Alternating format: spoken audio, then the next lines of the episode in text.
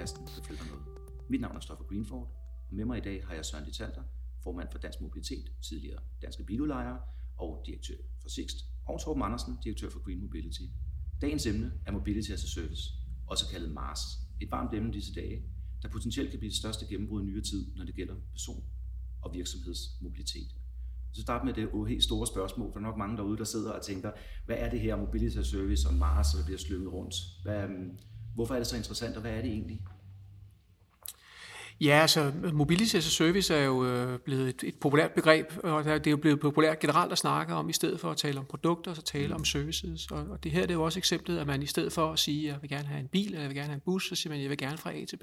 Mm. Og når vi så begynder at tænke på, at øh, det, er, det, er den, det er den måde, at vi leverer et produkt på, altså man ikke går ud og køber bilen, men man går ud og køber transporten, så begynder man at tale om det som mobility as a service. Mm. Øh, i første skridt, kan man sige, så er det jo øh, det at samle nogle transportformer og vise de forskellige muligheder, der ligger i, hvad man kan gøre, uden at måske selv eje øh, selve, selve transportmidlet. Mm. Men, men på sigt er det også et spørgsmål om, at man begynder at få øh, nogle integrerede prisstrukturer og måske abonnementsordninger, som mm. giver en mulighed for at få en vis mængde mobilitet for en vis fast pris hver måned, eller løbende pris hver måned. Præcis. Hvad, øh, men når nu det hedder altså service, så går jeg ud fra altså, om mobilitet, det vil sige, det er ikke selve rejsen, der er i centrum, altså det, det er ved effekten af det, at man gerne vil... Kan du komme med et eksempel, øh, Søren, altså hvordan det er med... Hvorfor hedder det mobilitet? Jamen, øh, mobilitet er jo det her, at øh, hvis vi ser på, hvordan folk de gerne vil transporteres i dag, øh, så er det blevet meget mere åbent øh, på, at man vælger forskellige former for muligheder. Øh, jeg tror, at man skal kigge meget på, hvordan og hvorledes ungdommen i dag, mm. den egentlig reagerer. Øh, de er blevet meget mere opmærksomme på, at der, der findes øh, forskellige former for løsninger, øh, når man kører fra A til B. Øh, og de er meget mere åbne over for at bruge teknologien i at, at rykke sig fra A til B. Mm. Øh, og hvis vi kigger på nogle af de her store byer, som, hvor der efterhånden er, bliver mere og mere trængsel, mm. så er det jo klart, at øh, folk vil jo ikke bruge så lang tid øh, på måske at ligge og køre. Og så kigger man efter, hvad er den bedste måde at transportere sig fra A til B. Ja. Øh, og det er en form for service, øh, fordi man går ind og kigger på, øh, jamen øh, jeg kan tage, det kan være, at jeg tager min cykel ned til stationen, ja. så tager jeg fra stationen et tog hen til et andet punkt, og på det andet punkt, der samler jeg en bil op for at køre en, et, et, et, et stykke længere øh, frem. Ja. Og, og, og det er simpelthen det, der er, vi tror på er, er fremtiden. Øh, mm. Mm at, at man kigger på de her løsninger. Og så kan jeg jo se, det, det, det tror jeg er helt rigtigt, når du siger det med generationen, fordi øh, selvom vi ikke er så gamle mænd igen her, så øh, vi kan jo godt lide stadigvæk det der med at sætte sig ind i bilen. Altså du har dit eget rum, du har din egen bil, om du så har leaset eller du har købt den. Og det, det vil sige, der, rejsen er også lidt i, i fokus. Jeg vil gerne køre i min Mazda, min BMW eller hvad det er, men den nye generation, som du siger, er måske mere ligeglade. Og jeg tror, en af de grunde, en af de ting, der også skal barrieren i det her, du siger du cykel, du siger bus, eller tog, og du siger en bil. Altså det der med at få kombineret det der, så det også passer. Fordi det er vel også noget med at sige, jeg vil have mobilitet, når jeg har brug for det, og jeg vil frem til den tid, som jeg nu har sat mig for. Du kan, du kan se, at nogle af løsningerne er der i dag. Altså, vi, rejseplanen har jo været inde, men de har jo ensidigt kigget på det her med en bus og et tog. Øh, jeg tror på, at, at løsningerne er, er meget mere komplekse, mm. øh, når vi har biler i dag. Altså hele det her med at lege i stedet for at eje, mm. er jo en af de andre ting, øh, som, øh, som har vundet, vundet indpas. Mm. Øh, hvis vi bare kigger til Airbnb, øh, jamen altså, det, det er også en måde, altså man går ud, og så siger man, hvordan kan man egentlig bruge de ting, der er tilgængelige mm. på bedst tænkelig vis. Og det er lidt det der samme, der sker nu, når vi i danske, de danske øh, biludlejningsselskaber kigger på det. Øh, jamen, vi har udlejet biler igennem en lang, lang overrække. Ja. Øh, men det, der kommer til at ske, det er jo også, at vi kan se, at øh, der er nogle af de her ting, øh, som vinder mere og mere indpas. Altså, hvor man tidligere hen har kigget på leasingbiler. Mm. Det er jo også en form for at eje, men man er faktisk mere interesseret i at lege, eller gå kigge på abonnementsordninger, mm. hvor man går ind, og man ved, at det er nemt, øh, det er overskueligt for dem, øh, for kunden. Øh, man ved, hvad der er med i prisen. Øh, det er egentlig struktureret meget, meget, meget fint. Ja. Øh, og det er, at man kan gå ud og sælge de her pakkeløsninger. Ja. Øh, og jeg tror på, at, at biludlejningsbranchen øh, har øh, en rigtig, rigtig god erfaring inden for, hvordan sådan nogle ting skal håndteres. Og derfor er vi også interesseret i at kigge på, hvad er det egentlig, der rører sig derude. Biludlejningen har, er jo noget, der stammer fra langt, langt, langt tilbage. Mm. Altså nogle af de første udlejningsselskaber øh, begyndte jo allerede i begyndelsen af 1900 eller i 1910-20 stykker. Ja, ja danske billeder er jo fra 19, var det 24? 1924, ikke? Øh, og, og, og de der ting har jo bare forandret sig. Øh, de seneste 5-10 år er det jo gået rigtig, rigtig stærkt. Ja. Øh, og der er jo proppet delebilsordninger op. Mm. Øh, øh, Green Mobility er kommet her med, med en en øh, form for løsning på at have en elbil i, i, mm. i byen, øh, som er nem og tilgængelig. Og jeg tror, det er sådan nogle løsninger, som ja. vil vinde indpas, øh, og hvor man skal prøve at kigge på tværs af alle brancherne. Torben, kan du ikke fortælle lidt, nu blev du lige pitchet det med Green Mobility og, og, og jeres måde at gøre det på. Hvad er det, hvad er det for en uh, niche, I så, og hvad er jeres koncept? Ja, det man kan sige, vi har lavet, det er jo en løsning, hvor at, øh, man har biler, som der simpelthen står rundt omkring øh, på gader og veje mm. inden for et område, øh, som vi kalder zonen. Og, og der kan man via en app se, hvor bilerne er henne og så reservere en bil, og så gå hen til den og køre en tur. Og når man er færdig, der hvor man nu skal hen til, så stiller man bare bilen øh, igen på en lovlig parkeringsplads, og så, øh, så afslutter man en tur der, og man betaler kun for den tid, man har brugt bilen. Det vil sige, du kan parkere, hvor det skal være, så længe du ikke parkerer ulovligt efter reglerne? Eller ja, og så længe du holder dig inden for den her zone, som i vores tilfælde dækker København, Frederiksberg og Gentofte kommuner. Ikke? Så man har altså 120 kvadratkilometer, hvor man kan okay. finde biler, øh, køre bilerne, og så øh, afslutte sin tur igen inden for, for zonen. Ikke? Og det giver jo en, en helt ny form for fleksibilitet, øh, fordi at det hele jo er, er pay as you go, altså det vil sige, at vi, vi, vi, hvis du bruger bilen i 10 minutter, så betaler du for 10 minutter, hvis du bruger den i en time, så betaler du for en time. Ja. Du betaler ikke noget fast beløb for at den står nede på gaden, og du skal ikke tænke på at fylde strøm på den, du skal ikke tænke på at vaske den, du skal ikke tænke på at forsikre ja. den, alle de her ting har vi taget hold om. Og det er jo en del af de, de, de, nye løsninger, som der kommer, og som der jo er med til at skabe øh, MAS, kan man sige, i mm. at give nogle nye muligheder med, med Mobility as a Service, fordi at de netop spiller ind i forhold til det traditionelle muligheder, vi har haft, altså det her med at eje eller, eller, eller lege en cykel, det her med at komme bruge offentlig transport, det med at eje eller lege eller lease en bil, eller hvad det nu har været for nogle forskellige løsninger, man har haft. Ja. Og, øh, og, og, og, kombinationen af de her ting, når man så også begynder at kigge på forskellige øh, øh, car sharing løsninger, altså hvor man kører sammen, ja. øh, så, så, så giver det jo en hel masse nye muligheder. Og netop fordi at der bliver så mange nye muligheder, så bliver det med at finde et overblik og forstå, hvad er det så, der er faktisk en rigtig løsning for mig i dag. For det kan være, at i dag, der har jeg et behov for kun at komme fra A til B. Jeg, jeg, jeg skal ikke tilbage igen. Øh, og derfor så vil, jeg, så vil jeg godt finde en løsning, hvor jeg ikke har min, min bil eller min cykel stående der, hvor jeg skal hen til min slutdestination og selv sørge for at få den tilbage. Øh, det kan være en anden dag, og der har jeg, der har jeg virkelig behov for at komme hurtigt frem. Ja. Og, øh, og så vil jeg godt betale noget mere for det, og i andre tilfælde, så øh, vil jeg bare gerne være sikker på, at jeg ikke bliver våd, fordi at, øh, jeg skal Præcis. have pænt tøj på, eller hvad. Ikke? Og så er det jo pludselig, at der bliver en hel masse forskellige kriterier, når man skal vælge sin rejse. Så bliver det ikke kun et spørgsmål om, hvor lang tid det tager, eller hvor meget det koster, mm. men også, øh, nogle andre dele. Og der er det jo, at, at hvis man kan begynde at lave nogle løsninger, hvor man kan få et overblik over de her forskellige muligheder, så begynder der at ske noget. Jeg, øh, hørte om et øh, hollandsk firma, som åbenbart er sådan et nyopstartet firma, nogle unge knægte, der har købt nogle forskellige cykler ind, og så laver de abonnementsordninger på dem, så det er sådan en form for leje-lease. De er også på vej til at komme til Danmark nu her. Var det så nogen, I så vil sætte jer ned med at arbejde sammen og så sige, hey, der er cykler, og bilerne kan bruges sammen og den slags?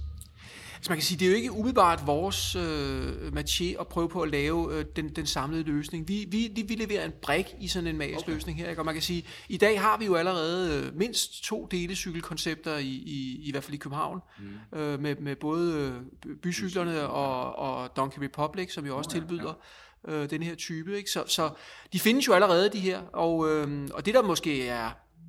er altså der, er, der, der er reelt to udfordringer. Den ene udfordring, som jeg ser det, er, at at der er stadig for mange mennesker, der ikke kender til det, og ikke ja. har taget sig om lejlighed med at blive oprettet eller komme i gang med det. Ja.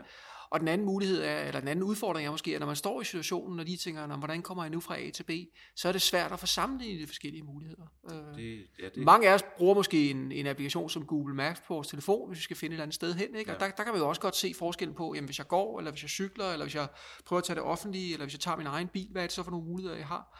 Men, men der kunne være langt flere muligheder i der. Det har vi jo også allerede set øh, dem lege med. Ja. I nogle lande har de jo øh, lagt Uber med ind også, ja. øh, som et alternativ. Ikke? Og, Finland er øh, meget langt fremme med meget af det her. Ja, det er, jo så, det er jo så den anden del af det, hvor man kan sige, at i Finland har de jo, øh, har de jo dels haft nogle øh, projekter, hvor de har udviklet øh, forskellige MAS-applikationer, øh, men, men som der så har kørt nogle forsøg med øh, i forskellige regi. Øh, og, og, og derudover så er man jo så øh, også lovgivningsmæssigt gået ret langt ja. i Finland på nuværende tidspunkt, hvor man jo har ja, jo krav, stillet krav om, at man som ny, øh, øh, altså man har en eller anden form for mobilitet i, i, i storbyen, så skal ja. man reelt melde ind, og man skal levere data, og man skal levere information til de her systemer. Øh, og det er, jo, det er jo et skridt, der er gået hvad skal man sige, ret kraftigt, eller ret langt i forhold til at, at, øh, at, at gøre det muligt at lave den her type af løsninger. Men der er også stadigvæk, kan man sige, noget kontroversielt i det jo, fordi at øh, ofte så vil sådan en slags løsninger her jo have en forretningsmodel, hvor, hvor de siger, at det, de skal være en del af, af, af, af transport mm. øh, øh, kagen, eller hvad vi skal sige. Så de vil, de vil jo have et ønske om at, øh, at kunne øh, på en eller anden måde betale, tage sig betaling for at, at levere den her service. Og, ja. øh, og det, er jo, det er jo sådan en diskussion, der også skal være om, jamen, hvem, hvem, hvem, skal, hvem skal betale for hvad her? Er det brugeren, der skal betale, eller er det ham, der leverer servicen, ja. eller er det... Øh, eller er det faktisk serviceudbyderen, som der får adgang til en række data, og dermed måske øh, den vej igennem kan ja, skabe sig en forretningsmodel? Ikke? Så. Data er så dyrt. Og, men nu, nu vi taler om det der med fuldt, med fuldt integrerede løsninger her med API, der kan bruges på tværs af hinandens platform og sådan noget der. Der ved jeg, Søren, der du tidligere også nævnt, at du er mere, du fortaler for, at man får lavet noget integreret system. Noget fælles, fordi vi skal stå sammen om det her for at udbrede det. Jo, men jeg tror jo, altså det man har lavet i Finland øh, er helt klart, det er, det er i den rigtige retning, men også som, som Torben siger, øh, hvem er det, der skal betale, hvem er det, der skal tjene. Jeg tror, i dag har vi jo en, en hel del brancheorganisationer, som, øh, hvor vi er delt op, øh, hvor man kan så sige, at nogen øh, beskæftiger sig med biludlejning, andre er det jo rent leasing, så er der nogle tredje, der måske har nogle delebilsordninger osv., Øh, og jeg tror meget på, at man øh, måske sammen skal sætte sig ned og så kigge på, hvad er det for nogle løsninger, der kan være til fordel øh, for alle.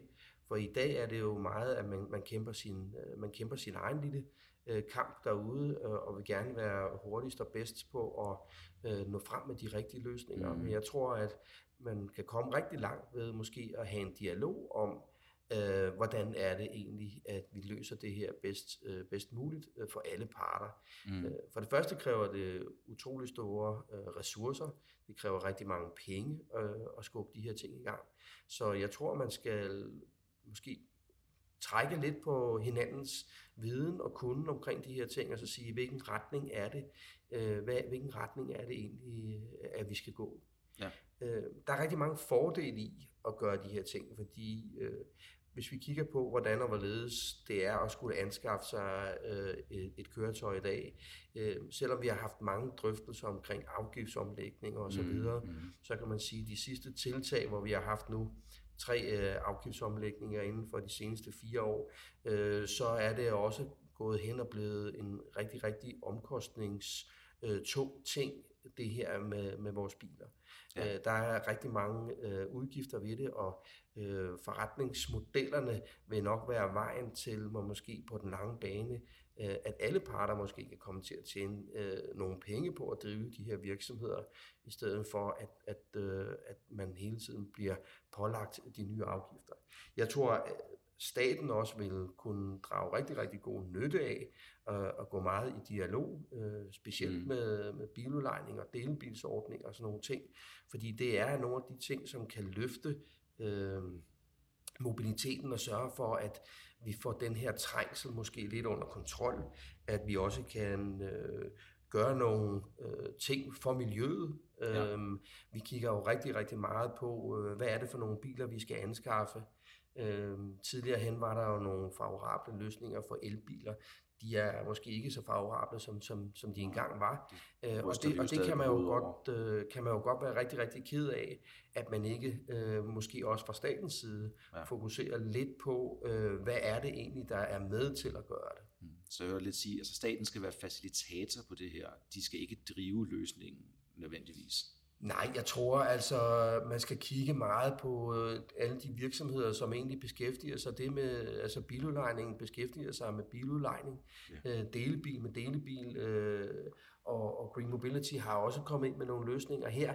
Øh, og jeg tror, man skal, man skal kigge lidt på, hvad er det egentlig, at hver enkelt er rigtig, rigtig god til. Ja. Og så skal man øh, prøve at kombinere de her løsninger i, i et fælles fodslag på at få lavet det rigtige setup. Ja. Det tror jeg kan være til gavn for alle parter. Det tror jeg også. Jeg sidder lige og kigger i en rapport, som, er, som Transportministeriet har fået udarbejdet af firmaet Quartz, der hedder Mobility as a Service, strukturel analyse af digital infrastruktur. Vi kommer tilbage til med digital, for det er jo ret centralt i det her. Eksemplet, I nævnte fra Finland, jeg har nu fundet frem her omkring selskabet WIM. De, blev, øh, de kom ud i efteråret 17 i hele Helsinki og havde haft forskellige øh, projekter i forvejen. Cirka 15.000 brugere. Den tilbød en total løsning i rejseplanlægning, booking, betaling, billettering for bus, tog, delebil, lejebil, taxa og bycykler. Og en af de ting, man var bange for, det var, altså, hvad sker der så med den kollektive trafik, når alle de her ting kan fungere? Men øh, der kunne man så se i øh, den øh, periode, hvor der var omkring 5% af borgerne i Helsinki, der var med i det, der steg øh, brugen af kollektiv øh, trafik på folks rejser fra 48 til 74 procent.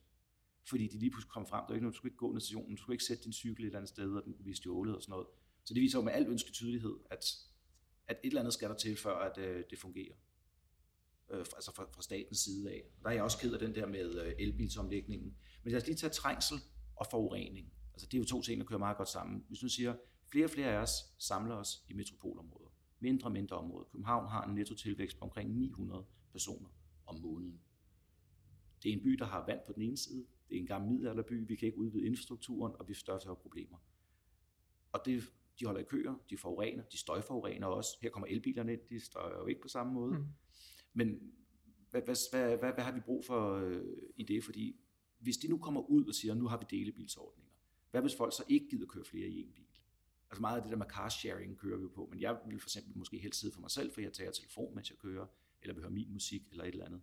Hvordan får vi dem over på en løsning, så der ikke bare ender med at komme flere biler på vejen? Fordi det nu er så nemt, og folk, der ikke plejer at køre, de tager bare en del bil.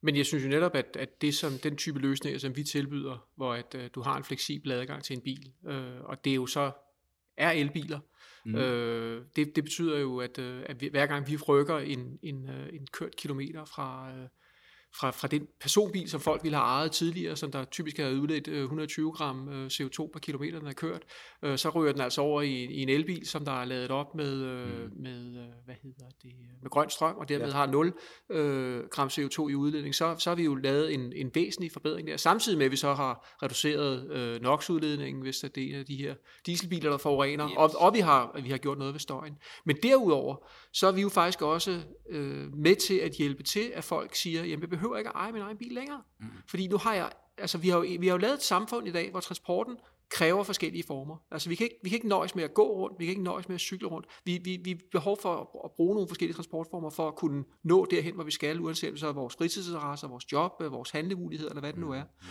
Og derfor så må vi acceptere, at bilen er en del af løsningen, og nu, nu giver vi folk mulighed for, uden at eje en bil, og rent faktisk have adgang til en bil.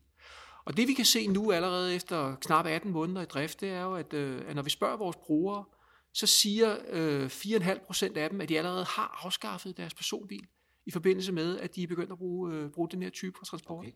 Og det vil jo sige, at, at vi rent faktisk er, er med til at, at hjælpe til med, at der er færre biler i byen. Ikke bare, der kører rundt derinde selvfølgelig, men også, der rent faktisk er parkeret. I Københavns Kommune bruger man et område, der svarer til 20 gange Tivoli areal på parkering. Og, øh, og vi, har, vi ved jo, at der er zoner, hvor der bliver solgt flere øh, hvad hedder det, parkeringslicenser, end der rent faktisk er pladser at holde på. Så derfor så kan man sige, at, at den, den, det vi rent faktisk tilbyder en by, det vi gør i en by, det er rent faktisk at hjælpe med at fjerne både de parkerede biler derude, men selvfølgelig også så at sikre de biler, de kilometer, der bliver kørt, fordi vi ved, at folk har behov for at køre en bil. Det er rent faktisk også nogle renere og, øh, og mindre øh, CO2 øh, hvad hedder det, øh, genererende øh, kilometer. Så på den måde, så er der faktisk ikke jeg vil lige vil sige, der er ikke det problem inden for mobilitet, som vi ikke på en eller anden måde er med til at løse. Så kan man altid diskutere det med, at man let adgang til en bil, betyder det så, at folk de lader være med at tage cyklen? Eller de lader være med at tage bussen? Og den, den problemstilling vil der jo hele tiden komme.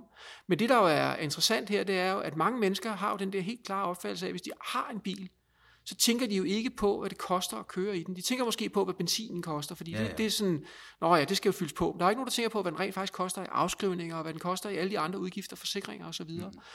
Når man er nede og betale for hver eneste minut, man kører i bilen, så bliver det meget mere øh, øh, tydeligt for folk, hvad en tur koster. Og det betyder også, at man, man er meget mere tilbøjelig til at kigge på de forskellige transportformer og overveje, jamen hov, det kunne godt være, at det var nemmere eller billigere for mig at tage cyklen her, eller det kunne også være, at det var nemmere eller billigere for mig at tage bussen. Og når man ikke har bilen dernede, og man ikke har den der store investering lagt i den allerede, så har man jo også meget højere grad af fleksibilitet i forhold til at vælge de forskellige ting. Mm. Så, så, så som vores undersøgelser viser lige nu, så er vores kunder faktisk tilbøjelige til at bruge offentlig transport mere end folk, der har deres egen bil. Ja. Og det betyder jo, øh, øh, at vi, vi, vi, vi faktisk også løser det her, øh, hvad skal man sige, eller er med til at løse det her missing link problem, altså det her med det, den manglende forbindelse, der er mellem den, den, de, de forskellige offentlige transportformer. Ja, ja. Ikke?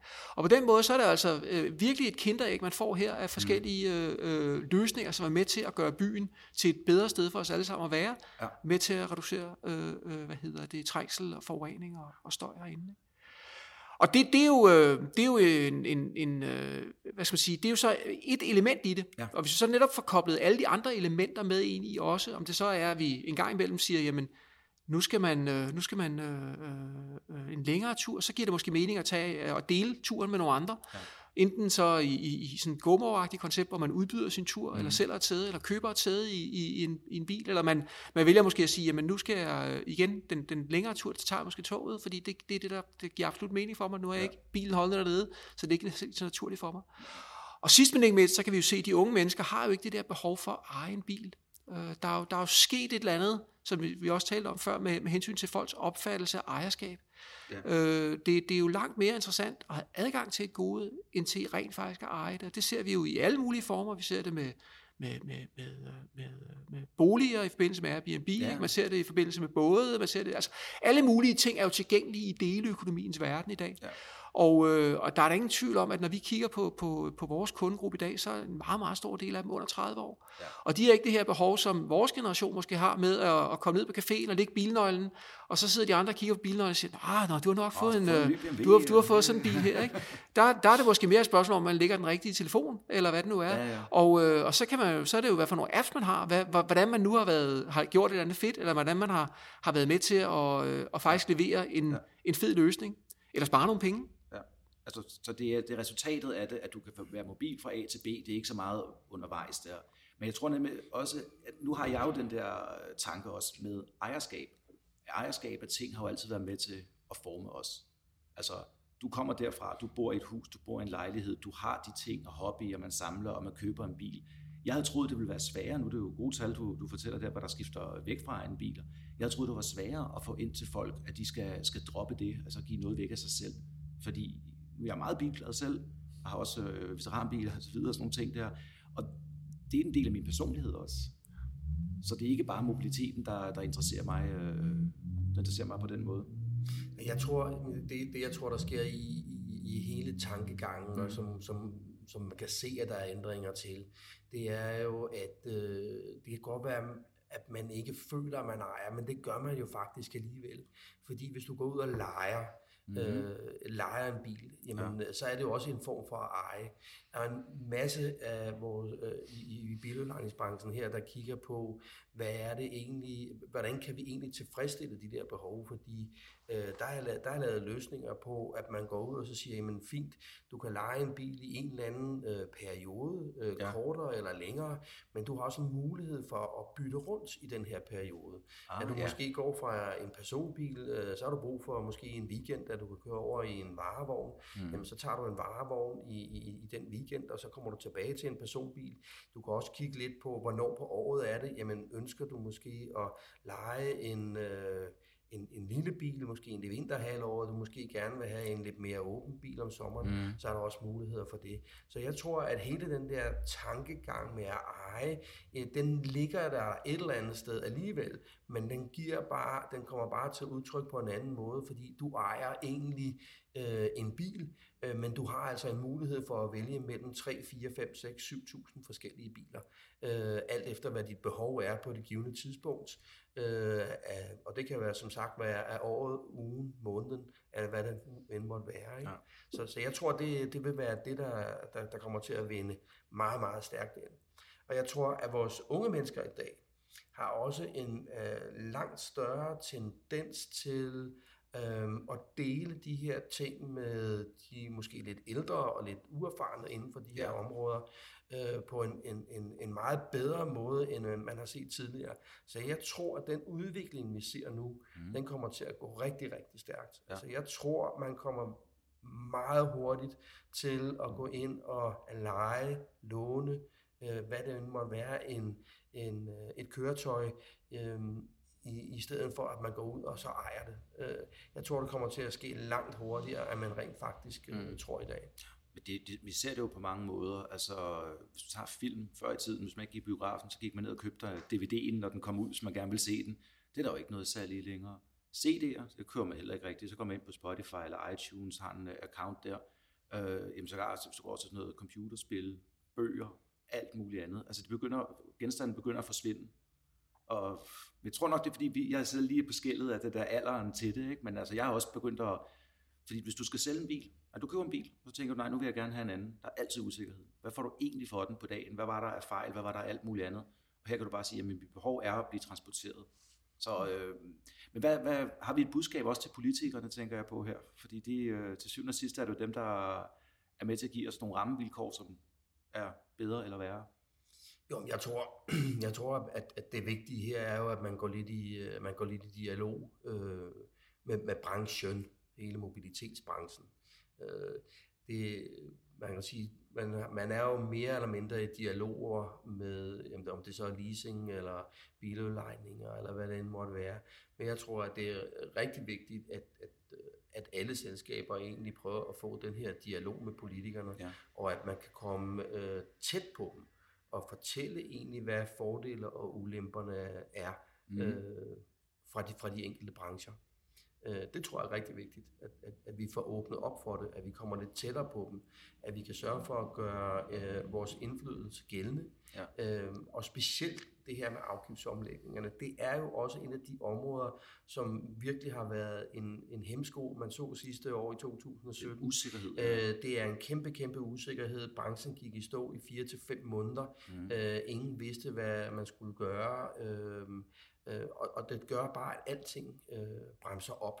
Mm. Øh, jeg tror, det er vigtigt, at man får kigget på de der løsninger, og så sige, jamen, hvem er det, man egentlig kan gå ind og, og tage, den her dialog med, og hvem er det, der kan være med til at løse, løse mobilitet fremadrettet.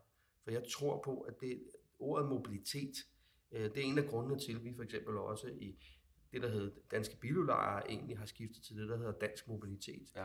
Øh, det er simpelthen, fordi vi tror på, at udlejningen, jo, det kommer til at eksistere, men det vil overordnet set være mobilitet, man kommer til at tale om på den lange bane. Øh, og det er også derfor, at vi er, gerne ønsker at skilte med, med navnet Dansk Mobilitet. Ja. Det er for os at sige, jamen vi vil gerne være en del af det. Vi vil gerne i dialog med de andre brancheorganisationer, øh, for at ligesom at sige, hvordan kan vi være en medspiller? Øh, og, og, og, og ligesom gøre, øh, være med til at løfte alt det her, øh, for at vi alle sammen kan komme øh, godt afsted. Ja, jeg, altså, jeg synes jo, der er, der er mange ting, både fra sådan de helt øh, ganske små øh, Praktik. dagligdags mm. udfordringer. Ikke? Altså, vi, vi, vi opererer i tre forskellige kommuner, som har forskellige parkeringsregler for delebiler, som jo gør, at vores brugere skal holde øje med, hvilken kommunegrænse de krydser, for at være sikre på, at de parkerer bilerne rigtigt. Og, og, og, og det er meget, meget svært for os at give dem nogle klare... Mm. Øh, jamen, der, i den her kommune må du kun holde foran en ladestander, hvis, at, øh, hvis at bilen oplader, og i den her kommune øh, må du ikke, øh, må du ikke øh, hvad hedder det, øh, holde parkeret på plads pladser, hvor der står delebiler på, selvom at du føler, at du kører en delebiler. Altså sådan nogle øh, mærkelige ting, som der, der, der bare er et spørgsmål om at måske prøve på at være lidt fleksibel i forhold til, til nye typer af løsninger. Men det er jo også, som, som man kan sige, med, med delecykler, som der oplever, at, at øh, kommunen måske engang imellem sætter nogle øh, barriere op, hvor de siger, men vi, ikke, vi føler, at I optager plads i, i, i byrummet, og den plads skal I betale for, men, men, men samtidig kommer man ikke tilbage med en ordning om, hvordan man så rent faktisk kan betale for det, eller hvordan mm. man kan være med. Nej. Øh, vi, har også, øh, vi har også hørt fra, fra, fra folk, som der, der, der gerne vil lave delebilskørsel, at det er en udfordring at forstå, jamen hvad, hvad, hvis, jeg, hvis jeg tilbyder en kørsel, øh, hvad er det så for nogle regler, der rent faktisk gælder i forhold til, hvis jeg skal afregne skat, eller øh, altså, hvad, er det for, hvad, hvad er det for nogle ting, der ligger i sådan noget? Ja. Øh, hvis, hvis en virksomhed vælger at stille øh, og, og, og, og sige, jamen du må godt bruge en, en bybil, øh, hvad er det så, hvis du, hvis du, er det så fri bil, eller er det øh, mobilitet, du skal bruge i forbindelse med dit arbejde? Og, ja. altså, og der er jo mange af de her ting, som, som øh, jo hvad skal man sige, jeg, jeg føler generelt, at det har, været, det har været rigtig svært at få nogle løsninger, som der har gjort, at der er kommet noget afklaring for nye ordninger. Vi har også set det i andre elementer for deleøkonomien, at det har været en udfordring at finde ud af, hvad var egentlig de, de, de klare regler, og måske også være en lille smule fleksibel, som, som gjorde, at man kunne prøve nogle nye ting af. Øh, så, så det er jo sådan lidt på den korte bane. Og så er der jo det her på den lange bane, hvor vi, når, når vi snakker øh, masløsninger, mm. marsløsninger, at jamen, hvad er det, skal man, skal man gå i den finske retning, hvor man, ja. hvor man stiller en hel masse lovgivningsmæssige krav op, og, og måske støtter nogle specifikke ordninger, ikke? eller skal man gå meget mere i, i øh, hvad skal vi kalde det, det frie initiativsverden, hvor man ja. siger, jamen, den bedste løsning må vinde, og så må de alle sammen gå ud og konkurrere med, med, med hinanden, og så må vi se, hvad der er tilbage, når krigen er overstået. Ikke? Øh, ja. så, så der er ingen tvivl om, at det er jo vigtigt, at politikerne øh, melder sig ind og, i, og, og, og kigger på de her ting. Det, jeg tror, det er meget vigtigt, at de er indstillet på at stille nogle, nogle rammebetingelser til rådighed på den ja. korte bane, der gør, at man rent faktisk kan få nogle af de her initiativer til at køre. Så kan det være, at man, kan, man skal lave noget af det som forsøgsordninger eller tilsvarende for at få prøvet det af. Men lige nu, der kan man sige, at der er denne her lidt, lidt strusseagtige manér, hvor man stikker, stikker øh, hovedet i sandet, både på, på, på, på lokalpolitisk og på landspolitisk plan, får lavet nogle rapporter, øh, og ikke rigtig drager måske så mange konklusioner på basis af dem. Nej, øh, nej, det er i hvert fald en meget svær udfordring. De benyttede sig af den her, jeg, jeg, inden vi startede med optag i dag, der kunne jeg jo vise jer den der rapport, der var kommet. Mm øh, som de garanteret også har brugt mange penge på. Der er meget interessant ting i det, men det er jo aldrig blevet kommunikeret ud af dem. Nej. Altså det ser jeg også nogle gange hos politikere sige det. Nu har vi gjort alt, hvad vi skulle. Vi har lavet en rapport, vi har lavet en forundersøgelse, vi har lavet en lovgivning, som for eksempel den med autonome biler. Og i et forgangsland, og flere politikere var bagefter ude og sige, Nå, der er ikke nogen, der har søgt, det viser bare, at vi var endnu før vores tid. Nej, det er fordi, I har lavet regler, som er, øh, man kan ikke overskue den administrative del af at få det igennem. Der er mm. et firma, der har søgt nu, og de har stadigvæk ikke fået den efter et år, men er tæt på nu, og Autonomous Mobility med deres Aalborg-projekt. Um, så, så jeg er helt ind. Og så har vi jo også udfordring her, at netop når du siger, at i Danmark, der er på øh, lokalplan, altså alle de der politikere, der sidder lokalt, der har hver deres egen agenda, der bliver ikke rigtig talt sammen. Og så kan jeg godt se, at snart du ikke kan krydse en kommunegrænse, så sætter du en begrænsning for, at folk vil bruge det Og vil sige, er, der, er der nogle af dem, der er bedre end andre? Ikke fordi vi skal være efter nogen specielt, men altså, hvad, hvad møder I for eksempel af udfordringer ellers? på lokal? Nå, men altså man kan sige, som sagt så opererer vi i tre forskellige kommuner, og, og øh, i, i Gentofte Kommune er der faktisk ikke noget betalingsparkering, så der, der kan vores biler holde, øh, ja. uden at vi har nogen omkostninger ved det. Ikke? I, på Frederiksberg Kommune har man valgt at sige, jamen vi, vi, øh, vi vil gerne støtte den her type for, for mobilitet, så vi kan købe en, en licens til en fast pris, og så kan man holde på, på kommunale parkeringspladser, og vi har også fået mulighed for at, at automatisk kontere det her med, øh, noget bliver betalingsparkering efter man har holdt der mere end to timer osv. Mm. Og, og i Københavns Kommune, der kan man sige, der, der, er vi så, der, der bliver vi stillet som en by, bil, der kommer uden fra byen af, og så, så hvis man holder i rød zone, så koster det 36 ja. kroner i timen. Og det er selvfølgelig en utrolig dyr øh, element af vores forretning. Det er meget, meget svært for os at betjene borgerne i, i indre by, fordi det er simpelthen så dyrt, hvis bilen er parkeret på vejen. Ja. Øhm, og, og, og, og, og der kan man jo sige, at, at der er jo både det her med, at det er, det er svært at forstå, at kommunerne tolker reglerne så, så forskelligt, så de, nogen siger, de, de gerne vil tilbyde den her type licenser, andre siger, de ikke vil tilbyde ja. det. Men samtidig er det jo også en, en udfordring, at vi ligesom ikke kan, kan konkurrere sådan lidt på, på nogle ensartede vilkår i forhold til, at folk ejer deres egen bil. Fordi ja. lige nu, der gør man det jo, altså det, det, det, hvis du har en, en, øhm, en, en, den samme bil, som vi bruger øh, som borger i København, så koster den 100 kroner om året at parkere nede på gaden. Oh, okay. øhm, som beboerlicens, ikke? Det er, en Renault, det er så en Renault Zoe, ikke? Ja. Øh, som, som, øh, fordi den er i den energiklasse, den er, ja. øh, så, så, er det, så er det 100 kroner om året for en beboerlicens. Så det er tre timer, hvis man skal bruge den som delbil? Ja, øh, og, og vi føler jo i princippet også, at den her bil, det er jo, det er jo folks øh, privatbil, altså den agerer jo på samme ja, vilkår og kører rundt mm. ind i byen og opfylder det samme behov. Øh, den holder måske bare mindre parkeret i princippet, fordi den her bil bliver, bliver brugt langt mere effektivt. Vi ved, at mange af de privatbiler, der holder inde i byen, de står stille fra mandag til fredag og er, er reelt kun weekendbiler. Præcis. Så der er jo altså der er nogle, nogle, nogle, nogle helt specielle øh, øh, næsten absurde regler omkring ja. noget af det her, øh, som, som jo rammer os, men, men, men overordnet set, når man kigger på det her med mobility altså, altså, altså service, kan man sige, så er, det jo, så er det jo også nogle ting her, der ligger grænser øh, eller udfordringer i vejen, kan man sige, fordi at nogle tjenester er jo så også øh, momsfortaget, andre tjenester er ikke momsfortaget, og nogle får offentlig støtte, og andre får ikke offentlig støtte ja. og sådan noget. Ikke? Og der kan man jo sige, at, at at øh, det er jo helt naturligt, fordi det her det er jo noget, der, altså mobilitet, som vi kender det i dag, har udviklet sig, øh, hvad var det, du sagde, siden 1924 har danske øh, biludlejere været her, ikke? Jo. Og, øh, og, og nogle af de her tjenester er jo, er jo, er jo meget nye og kommet ind for de sidste 10 år måske, ikke? Men, men ikke desto mindre, så bliver man jo nødt til at sige, at, at hvis, vi skal, hvis vi skal have en udvikling i det her, hvis vi vil være med på de her ting, så bliver man nødt til at spille med på en eller anden måde også, ikke? Og der tror jeg, at at vi har jo set, at det kan gå rigtig, rigtig stærkt. Du har selv nævnt eksemplerne med, hvordan vi, vi, vi, vi forbruger film eller musik eller, eller ting i dag. Ikke? Og, øh, og der, der er jo behov for, at politikerne øh, åbner op for, at der kan være nogle rammer på de, ja. her, på de her områder også. Et, et andet helt sådan meget, meget simpelt, og, og, men burde ikke være så stort et problem. Jeg skal, jo, jeg skal jo tjekke, at folk har et kørekort, for at, de må, for at jeg må sætte dem ud og køre mine biler. Øh, og i dag så skal jeg bede dem om at sende mig et billede af deres kørekort, fordi så skal jeg se, at de har et billede af deres kørekort. Aha. Hvorimod, hvis man kunne sige, jamen, hvis nu jeg havde, øh, hvis nu de, hvis nu de gav mig, der, eller de, de sendte et billede af deres cpr eller deres øh, sygesikringsbevis, så kunne jeg, sundhedskort hedder det i dag, så kunne jeg jo øh, måske slå op i Rigspolitiets arkiv, om de faktisk havde et gyldigt kørekort. De ikke bare havde et billede af deres kørekort fra på et eller andet ja. tidspunkt, vi havde taget. Det kan være, at de havde fået taget deres kørekort i mellemtiden, eller ja. mistet det, eller udløbet, eller tilsvarende. Men sådan nogle systemer er der jo ikke, der gør, at jeg er i stand til at tjekke det elektronisk for hver, hver, før hver eneste tur. Ja, vi vil tættere på, på et andet tidspunkt sige, for at tjekke det her, så skal de komme fysisk og vise dig det, og så skal du have en eller anden stand et eller andet sted og til brug. Ikke? Og heldigvis, heldigvis er jeg ikke derhenne, men, men, men hvad hedder det, det, det er jo bare sådan nogle steder, hvor man kunne sige, at vi kunne, vi kunne rent faktisk levere en sikrere service, og sikre, at der ikke var folk, der fik adgang til bilerne, ja. hvis vi rent faktisk kunne slå det op øh, digitalt. Ikke? Men, men, men, men der er løsninger, der igen. Det er jo ikke nogen garanti alligevel. Hvis du åbner sådan en bil og sætter det i, så kan du vel sætte så kan hvem som helst vil køre den. Ikke fordi jeg skal tale imod koncepterne, men altså, det er jo igen noget af det der illusionen af sikkerhed øh, i, i administrationen. Ikke? Men nu tænker jeg også helt andet. Hvordan kan det være, at Københavns Kommune, når I nu kommer med noget stordrift og erhverv og i gang iværksætter på alle de her områder der, er I ikke blevet præsenteret for sådan en samlet parkeringsordning, hvor siger, det, det vil vi sgu gerne. Altså, vi har inde på Rådhuset, der er der meget fokus på trængsel, der er forurening, der er det grønne, der er støjen, der er alle de der ting. Men det lyder ikke som om, at de så rent faktisk har, har handling bag deres ord. Nej, altså som, som sagt, så synes jeg jo, at vi vil levere en, en, et, et helt kinderæg af, af forskellige øh, løsninger på mange af de tra, trafikale mobilitetsudfordringer, som der er i København. Men desværre må man jo sige, at, øh, at Københavns Kommune har ikke øh, været, været indstillet til og villig til at, at, at tage en reel dialog om hvad, hvad, hvad, at, at, at skaffe en ordning for, for vores ordning, øh, eller for vores former for bybiler her.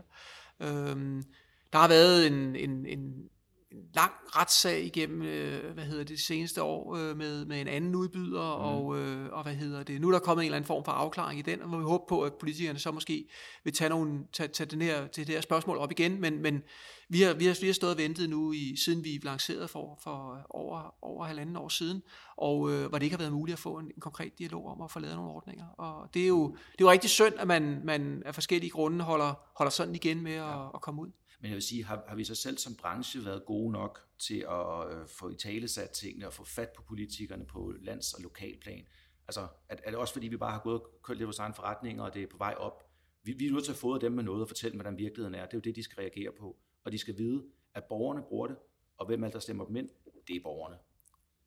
Jo, men altså, jeg tror, jeg tror, du har ret et stykke hen ad vejen, at, at øh, man har måske ikke været god nok til at kommunikere øh, og været åbne nok omkring de her ting.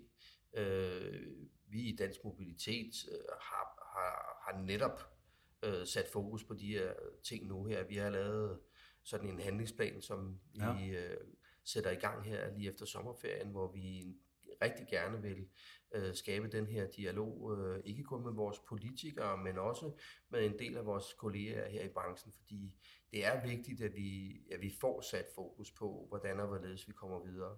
Øh, Mars, øh, IoT, øh, alle de her ting, mm. de, er, de står lige om hjørnet, og de er allerede i fuld gang i, i mange andre lande. Øh, nu har vi en stor øh, kongres her i efteråret, som også kommer til at sætte rigtig meget fokus på mobilitet og teknologien omkring det. Hvordan er det egentlig, øh, man udnytter den, øh, og hvilke data eller hvilke muligheder er der for, at man kan gøre tingene nemmere, hurtigere og bedre. Mm. Så, så jeg tror jo, at øh, jeg vil vælge at tro, at, at vi som sagt er på rette vej, og jeg tror også, at vi med, med nogle af de tiltag, som vi gør i dansk mobilitet, kan være med til at, at åbne øjnene for vores politikere, ikke kun på de tekniske løsninger, men også måske på de økonomiske, mest forsvarlige løsninger, mm. både for virksomhederne, øh, men også for, for dem, der er brugerne derude i dag. Øh, fordi det er, det er igen vigtigt. Det er vigtigt, at hvis vi skal lave det her, så skal det være noget, der er nemt, det skal være hurtigt, det skal være tilgængeligt, ja. og det skal være til den, en fornuftig pris, som folk gerne øh, vil betale. Ja. Øh, og der tror jeg, at det, det er vigtigt, at vi har den her dialog. Fordi vi kommer ikke hen og laver det hverken nemt, hurtigt, billigt eller tilgængeligt, hvis Nej. det er, at vi ikke får åbnet op, og vi får skabt de her dialoger ja. på tværs. Øh, det gør vi ikke. Og jeg tror egentlig, at man skal ikke være så bange for at gå på tværs af det. Øh, jeg tror, man skal være, man har langt større øh, risiko ved ikke at være med. Ja. Fordi det, hvis man ikke sadler om nu, jamen så risikerer man simpelthen, at man, øh, man ikke er på toget øh, og så er det simpelthen kørt. Øh, ja. Så øh, vil der være nogle andre, der tager over og, og laver de her løsninger. Det er jo det, vi kan jo lige så godt få det lavet her i Danmark, når vi har alle de spillere på det, i stedet for at der kommer et eller andet fra udlandet. Altså lad os sige finske firmaer, der allerede nu har et, øh, et, et forspring i, frem, øh, i forhold til os. Så det skal vi se som opfordring her også til branchen om at, øh, at Dansk Mobilitet vil i hvert fald gerne række hånden ud og være med i dialogen til de andre dele af den. Helt sikkert. Og jeg vil sige, nogle af de der løsninger, nu, nu øh, nævner du WIM i, øh, i Finland, ja. der er også nogle danskere, som jeg ved er i gang med at udvikle noget af det samme. Øh, jeg tror, man skal kigge meget på WIM. De har fundet et, et, et meget interessant koncept omkring det. Og jeg ved da også, at der er nogle af, af dem, som er medlem af Dansk Mobilitet, de virksomheder går også og kigger på nogle løsninger mm-hmm. i den retning af, at man simpelthen øh, bliver nødt til at kommunikere mellem, øh, gennem vores værktøj i dag. Vores værktøj i dag, det er, mobil, det er mobiltelefonen. Den er der. der. Det skal være nemt tilgængeligt med en app. Øh, det skal være hurtigt at overskue. Øh, og jeg tror, at det, det vil være, også være den måde, at man øh, får folk til at tage fat i det. Ja. Øh, det er jo netop ved, at den her øh, mobilitet kan nemt komme til at fungere ved en app, øh, at man kan bruge vores teknologi igen på ja. og så sige, jamen, hvad er det egentlig, der sker? Øh, det her med at køre fra, som Torben også tidligere han sagde her, fra A til B, eller fra A til B og A igen, øh, det er jo vigtigt, at vi bruger vores teknologi, at vi kan få den her data. Det er jo her, hvor IoT kommer meget ind ja. i, i billedet. Det er jo netop, at øh, vi har en mulighed for at, at indsamle den her data og prøve at lave den øh, optimale øh, mulighed for, for brugerne. Ja. Øh, og det er det, jeg synes, der er utrolig interessant det på den lange bane. Altså, og det der med, at vi alle sammen render rundt med den der lille lommecomputer, eller vores ur, der kan, eller andet, altså hvor vi siger, at vi har en vej ind, en app for eksempel, hvor alting er fuldt integreret, hvor du kan kigge, du kan forbestille, du kan planlægge, du kan betale, du kan få alting igennem den der, altså fordi maligheden, den, den vil jo være i sådan noget der. Og så, øh, og så derudover, så hele det der datating, du snakker om, det synes jeg er rigtig interessant, det skal vi lige prøve at dykke en lille smule ned i her. For det er jo klart, når der er så mange forskellige biler, køretøjer, firmaer og alt muligt andet, så er der en ret stor mængde data, der skal, der skal smides frem og tilbage. Og det er jo netop det, du nævner det med ITS, som er intelligent trafikstyring. Der er en verdenskongres her i øh, 17. Til 21. september i år i Danmark, hvor netop det er også fokus på. Så er der den næste ting i det. Nu har du køretøjerne, altså midlertidigt rundt, men der er også infrastrukturen i sig selv, der også skal kunne øh, samle dataen ind og bruge. Og, øh, altså, hvor langt er vi fremme mod det? Jeg hører folk sige, før vi får 5G, så kommer bilerne ikke til at kunne snakke ordentligt sammen, og infrastrukturen og alt muligt andet. Altså er, er vi et sted, hvor vi godt kan rulle sådan en løsning ud nu? Et langt stykke hen, et langt stykke hen ad vejen tror jeg, vi er ved at være der. Altså, det er klart, at 5G øh, åbner nogle helt, helt andre muligheder. Men, men jeg er helt sikker på, at jeg har set nogle løsninger, som, som allerede kan, øh, kan øh, trække noget information ud, og hvor man kan begynde at behandle den data, der er, øh, og finde ud af, hvad er det egentlig, øh, der er den optimale løsning. Så, så, så jeg tror, at øh, man, skal ikke, man skal ikke bare læne sig tilbage og så afvente Nej. og se. Jeg tror, man kan lige så godt hoppe på vognen nu og så sige, jamen, hvad er der af muligheder derude, ja. og så begynde at bruge dem.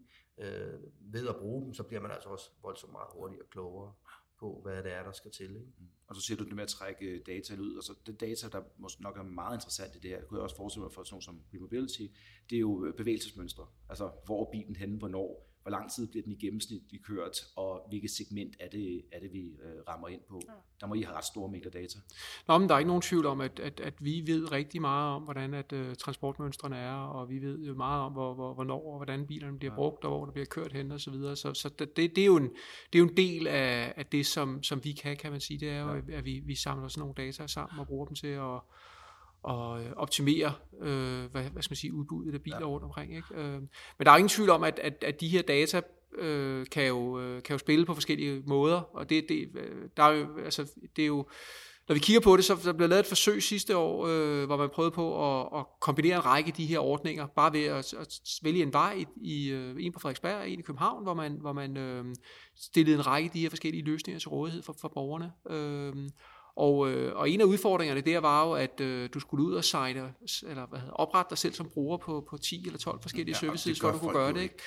Det var en kæmpe udfordring, men, men øh, øh, Region H, som, som, øh, som stod for forsøget, prøvede jo også at kigge på, om man kunne lave en, en fælles løsning omkring det. Og det, det viste sig meget hurtigt, at det blev et, et meget, meget komplekst system at håndtere, og det blev rigtig svært at håndtere i den her øh, GDPR-verden, øh, vi lever i jo i dag, uh, omkring, ja. jamen, hvordan, hvad er det egentlig, man må, hvad er det for nogle data, man kan dele, og hvad er det for nogle ting, man kan gøre. Ikke? Og der, der er ingen tvivl om, at, at en del af det her løsningsunivers omkring mobility as a service bliver sikkert også et spørgsmål om at håndtere en eller anden form for brugerprofil, og så kunne give den brugerprofil, eller på en eller anden måde øh, aflevere øh, sin data til en ny service, hvis man er i gang med at bruge den. Ja. Og det, det, det, det bringer mig så tilbage til, at måske, øh, hvis jeg sådan skal være en lille smule pessimist på, på mobility as a service verdens ja. vegne, så tror jeg, at, øh, at, at, at det er et rigtig spændende koncept, der er rigtig mange spændende muligheder i det, men jeg tror, øh, jeg tror at vi vil, vi vil nok se, at der vil være en periode nu, hvor folk øh, holder fast i de løsninger, som de kender, om det så er rejseplanen, som de, de ja. bruger til deres planninger, det er Google Maps, eller det er en, en anden map-applikation, som der giver dem de, de, de råd, de skal have. Og så kan det godt være, at de, de, de melder sig ind i nogle nye ordninger, så får de en app eller to, de skal bruge sammen med det også. Jeg jeg kender en, der går meget op i at bruge forskellige mobilitetsløsninger. Jeg tror, han havde 22 forskellige apps, der bare var vedrørte mobilitet, ikke? øhm, og hvor der var, formentlig var en konto og et password osv. koblet til ja. hver eneste af dem. Ja. Men det vil være, det vil formentlig være løsningen i en periode nu, og, øh, og, og, og, og om det så bliver en, et, et, et, et stort fælles system, eller, øh, eller det bliver et spørgsmål om, at man får et overblik et sted, og så hopper man over i de forskellige apps, eller hvad, det, det, det må fremtiden jo vise. Mm.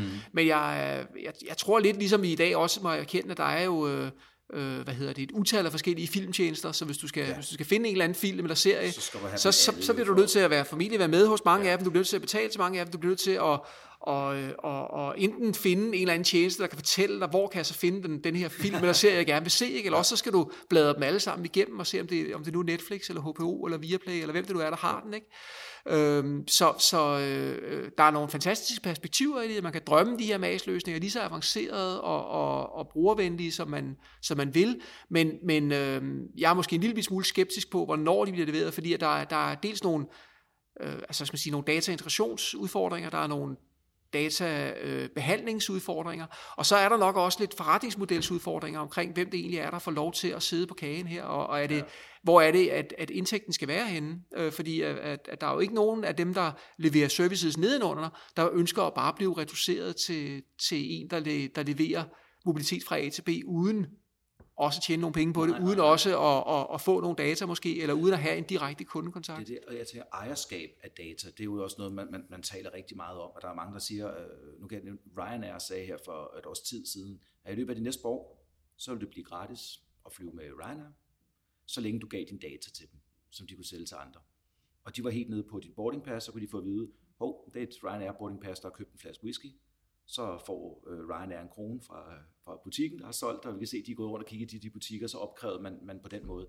Men så kommer det næste ting i det, det er jo det der med ejerskabet også, at det så lukker sig omkring sig selv.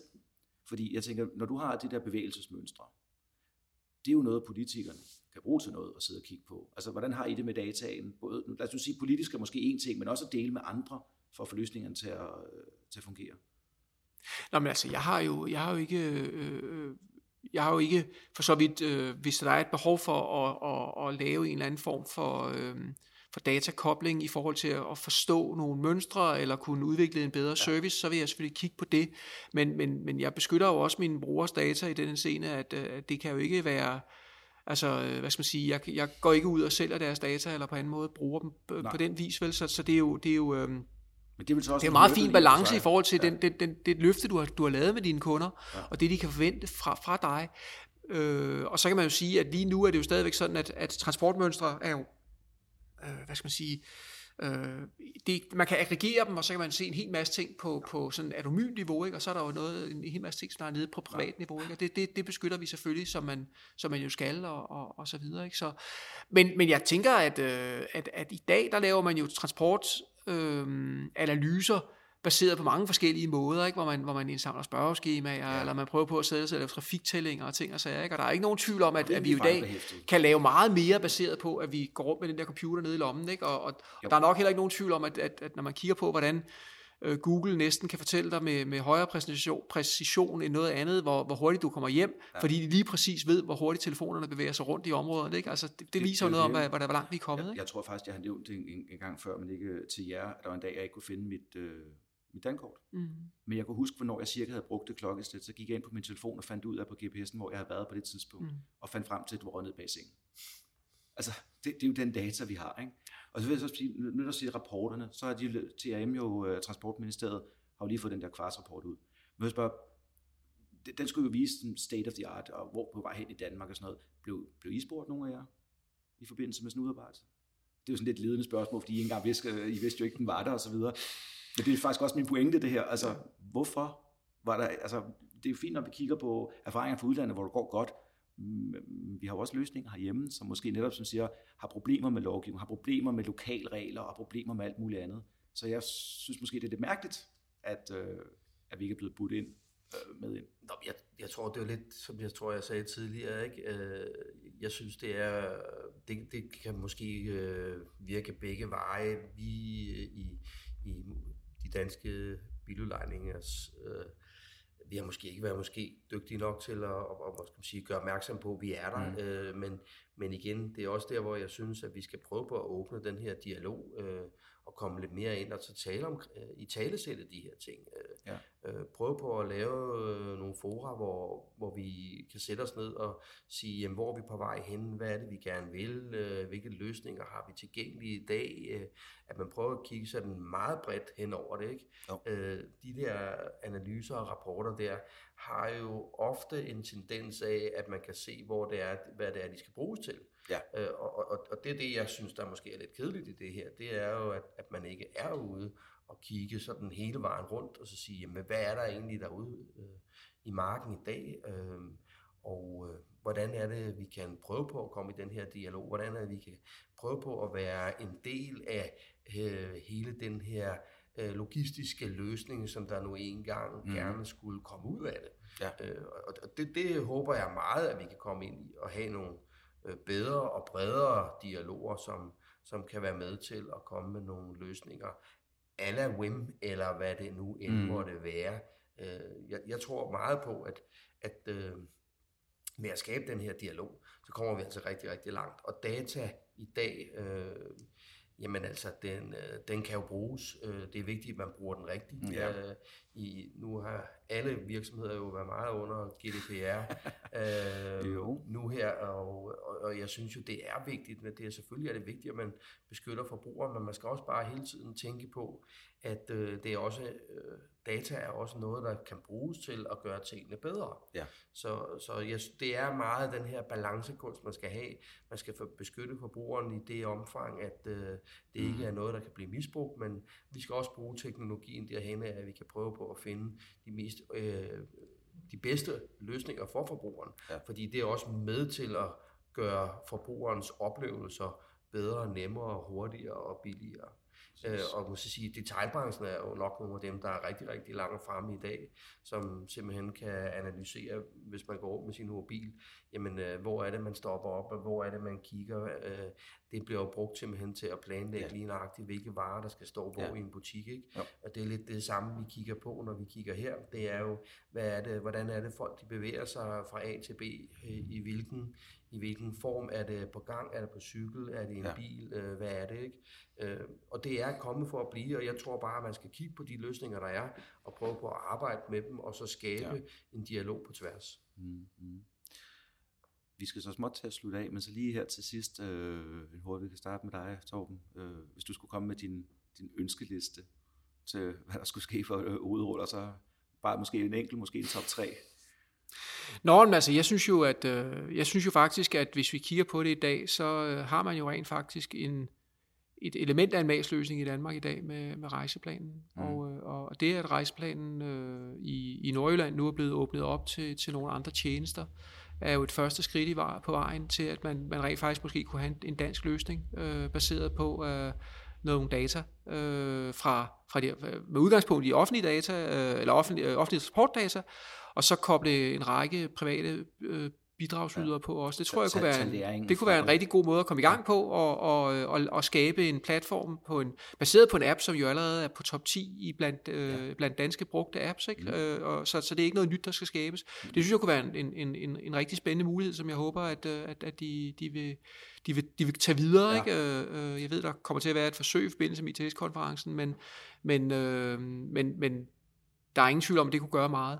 Så tror jeg derudover, at, at hvis, hvis jeg lige skal kigge på ønskesedlen, så, så er det nok et spørgsmål om at sige, jamen hvis vi, man, vi kan snakke meget om, om, om mag, magsløsning øh, magsløsninger og, og forskellige muligheder omkring det, men i første omgang kunne det bare være interessant, hvis der, hvis der blev skabt nogle politiske rammer, der gjorde, at nogle af de her nye muligheder, som, som ikke... Øh, øh, er skatteunddragende eller noget, mm. eller nogle af de diskussioner, der har været omkring øh, taxatjenester måske, men, men som jo overholder loven og så videre, men de rent faktisk bare fik nogle muligheder, der gjorde, at de, de, de kunne blomstre og, og kunne udvikle sig.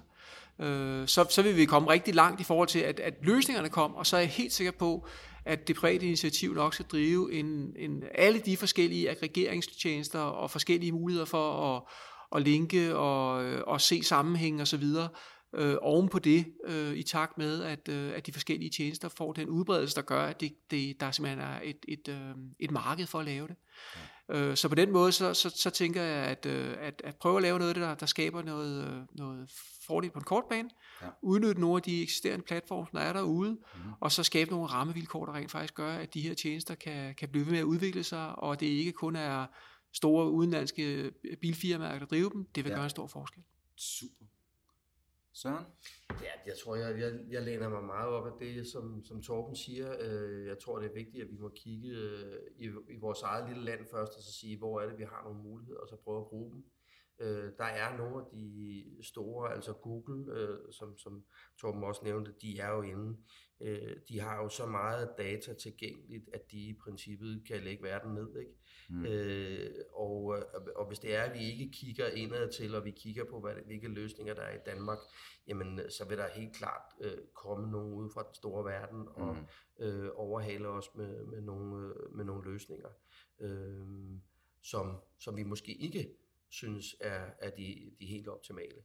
Øh, jeg tror, jeg vil komme lidt tilbage til det der, som jeg sagde, har sagt flere gange her. Det er jo, at øh, jeg tror, det er vigtigt, at at vi får sat os ned, og vi får skabt nogle dialoger øh, på tværs af alle brancher, og at, øh, øh, at staten er lydhør og være med til også at øh, kigge på de her ting, øh, prøve at være med til at dele nogle af de løsninger, der er, øh, kigge i nogle af brancheorganisationerne og prøve at sige, jamen, hvilke erfaringer har vi, hvor kan vi, øh, hvor kan vi supplere hinanden. Ja, ja. Øh, jeg tror ikke, man skal, man skal ikke gå hen og være bange for den ene eller den anden eller den tredje. Der vil selvfølgelig mm. altid være nogen, der måske trækker et strå, der er lidt længere end de andres, men jeg tror, at hvis man ikke gør det, så, øh, så kommer man bare ikke langt. Så kører man helt i den forkerte retning, og så er man simpelthen ikke med på toget, der skal køre. Ja, og jeg hører også, du siger det med, altså hvis vi også gør de her ting, så hjælper vi jo også politikerne til at blive bedre. Altså... I allerhøjeste grad, det er det, er det her, det, det er det, vi skal gøre, for, for det er simpelthen med dialogens vej, øh, øh, komme frem og komme med de rigtige løsninger. Mm. Øh, og øh, ja, nu må vi se. Altså nu er der ITS om ikke så længe, øh, og se hvad vi får ud af det.